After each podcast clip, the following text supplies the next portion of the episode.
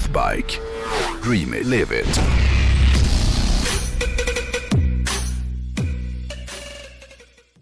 Den här veckan tänkte jag att vi skulle titta närmare på en motorcykel som jag har fascinerats av i flera år. Eller det är framförallt utseendet på den här väldigt speciella hojen och historien om hur den blev till som jag inte kan låta bli att imponeras av. För att designa och bygga en ny motorcykel från scratch, det kräver ju enormt mycket kunnande och forskning och testning. Och, och, när de stora motorcykelföretagen gör det här, då tvingas de ju hälla kopiösa mängder pengar över framtagandet av en sån här ny modell då. Mm. Och även när en ny hoj är klar så, så, brukar det ta ganska lång tid innan liksom man får bukt med alla barnsjukdomar och det är ju oftast först efter ett tag som en ny hoj börjar kunna prestera till, till 100%.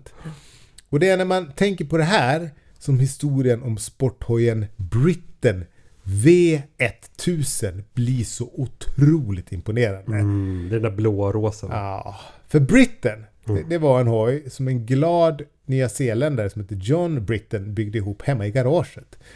Och den inte bara spöade hojarna från de stora motorcykeltillverkarna utan den fullkomligt förnedrade dem.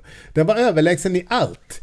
Och plus att den var jävligt snygg ändå. Det här är 91 när den kom. Man får tänka på hur, hur andra sporthojar såg ut då och just färgvalet blårosa. Jag tycker den är en fantastisk hoj den här. Den internationella pressen kallade John Britton för the most innovative engineer in the world. Och med ett sånt epitet så kan man ju kanske tro att John Britten var liksom någon hotshot. Men det var precis tvärtom. Han var en lågmäld mekaniker som gillade att köra lite sporthoj på bana på amatörnivå ska sägas då.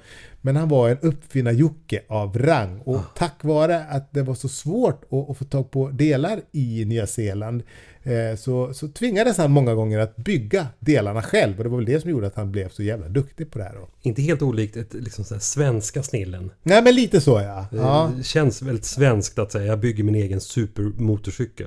ja.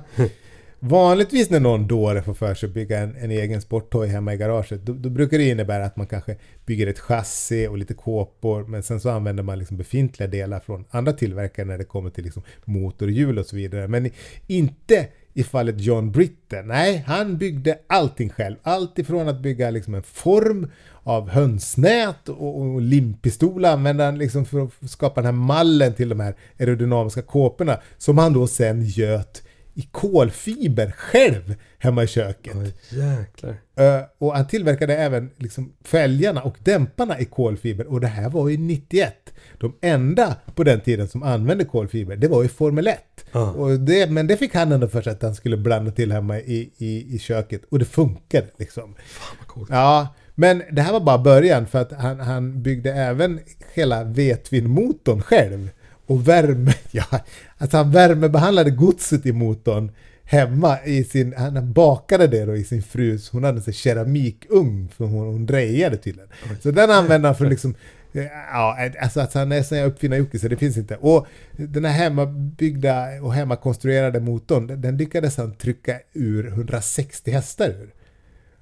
Och han tillverkade dessutom ett eget programmerbart så här ECU. Uh -huh. Alltså som styr, som styr motorn då. Uh -huh. Ja, precis. Uh -huh. och, och, det här var ju som sagt 91 då som han gjorde det här.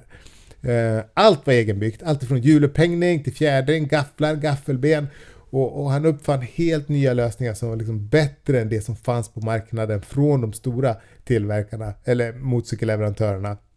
Och jag, är lite dålig, jag är lite för dålig på alla tekniska detaljer för, för på ett bra sätt kunna redogöra för alla de här innovativa lösningarna som han kom, som han uppfann då och som satt på den här hojen.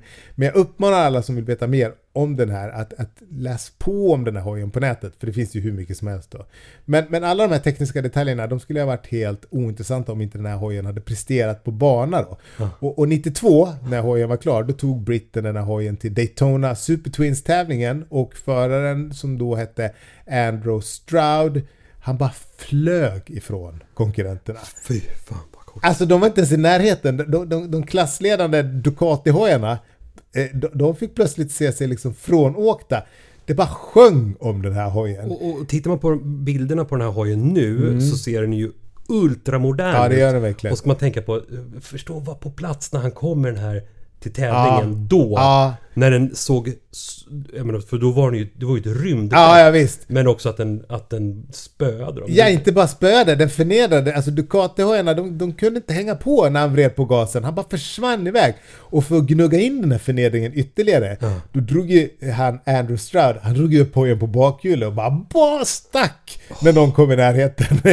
Tyvärr så, så var en av de här få delarna på den här hojen som, som inte eh, Britten hade byggt gick sönder i slutet på tävlingen. Så det blev inget guld den gången, men alla konkurrenterna var ju helt knäckta för de, de hade ju fått se vad den här hojen var kapabel till. Då. fy fan. Det känns som en film nästan. Ja men verkligen! Och de kommande två åren så dominerade ju den här hojen både hemma i, i Nya Zeeland men även internationellt då. Den vann Nya Zeeland International Championships eh, 93 och 94 och den vann flera race i det här brittisk, europeisk, amerikanska raceserien som kallas för, för Bears då. Och 95 eh, när de hade utvecklat den här hojen ytterligare, då vann den även Daytona, eller vann, den förnedrade alla andra hojar vid Daytona det året. Den vann med 43 sekunder Oj. mot två, mot tvåan.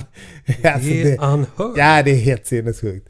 Eh, och eftersom den här hojen var så överlägsen då, så passade John och hans polare även på att ta lite olika hastighetsrekord med den här rosa och, och blåa lilla monsterhojen.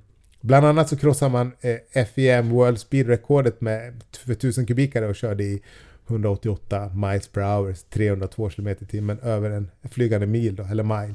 Ehm, och hojen blev även hyllad i konstvärlden och, och ställdes ut på Guggenheim-museet i New York. Ehm, man skulle kunna kalla John Britten för sporthojarnas motsvarighet till Steve Jobs nästan lite grann. Eller snarare så att Steve Jobs är kanske datorernas motsvarighet till John Britten.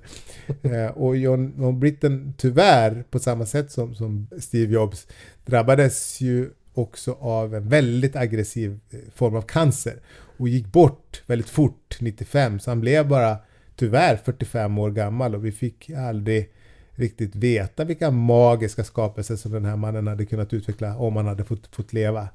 Eh, Men eh, ja, det är en hoj som är... Jag, jag blir alldeles svag när jag både läser och tittar på, läser om och tittar på den här hojen. Så jävla coolt.